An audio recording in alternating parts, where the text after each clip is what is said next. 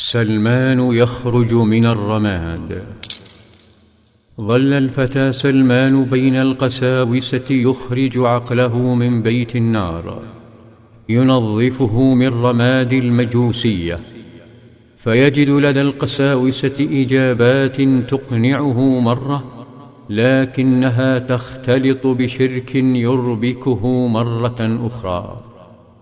غير أنه عثر على فرجة نحو السماء.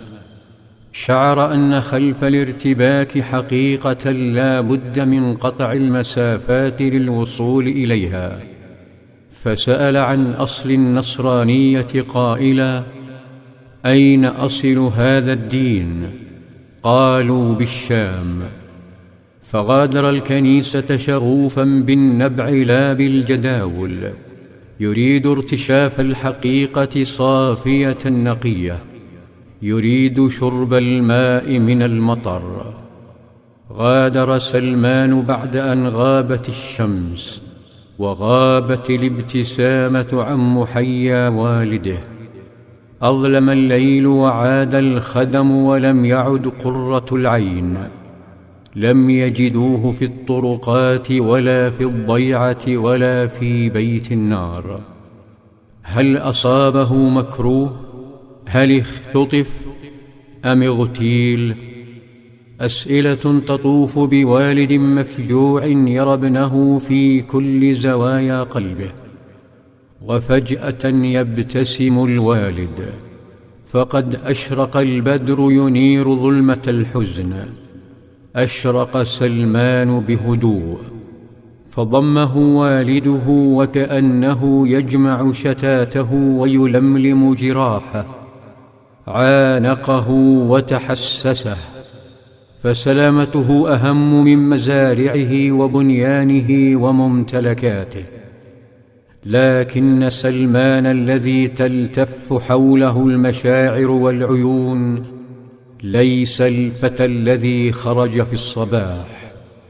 سأله والده عما أصابه فلما أجاب أصيب الدهقان بطامة أخرى.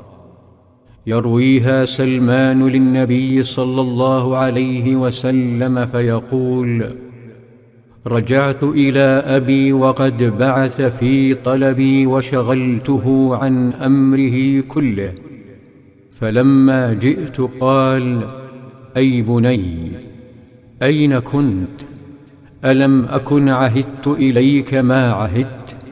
قلت يا أبت مررت بأناس يصلون في كنيسة لهم فأعجبني ما رأيت من دينهم فوالله ما زلت عندهم حتى غربت الشمس.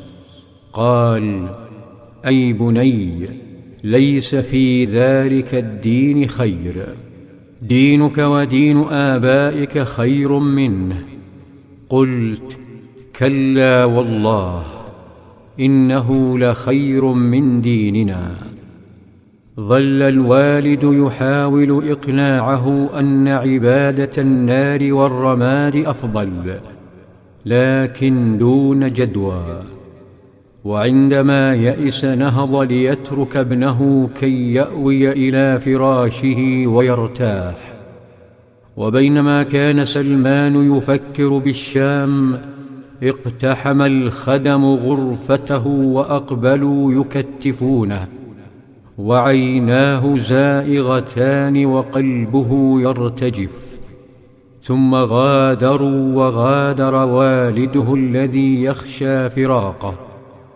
بعد أن تركوا يديه ورجليه للسلاسل والأغلال مرت الأيام مريرة على سلمان لكن شخصا يثق فيه جاءه فهمس به أن يتوجه إلى الكنيسة ويطلب من رجالها أن يبلغوه عن أي قافلة قادمة من الشام. ذهب ذلك الشخص وبعد أيام عاد يبشر الفتى الأسير بوصول قافلة شامية. في ظلال السيرة.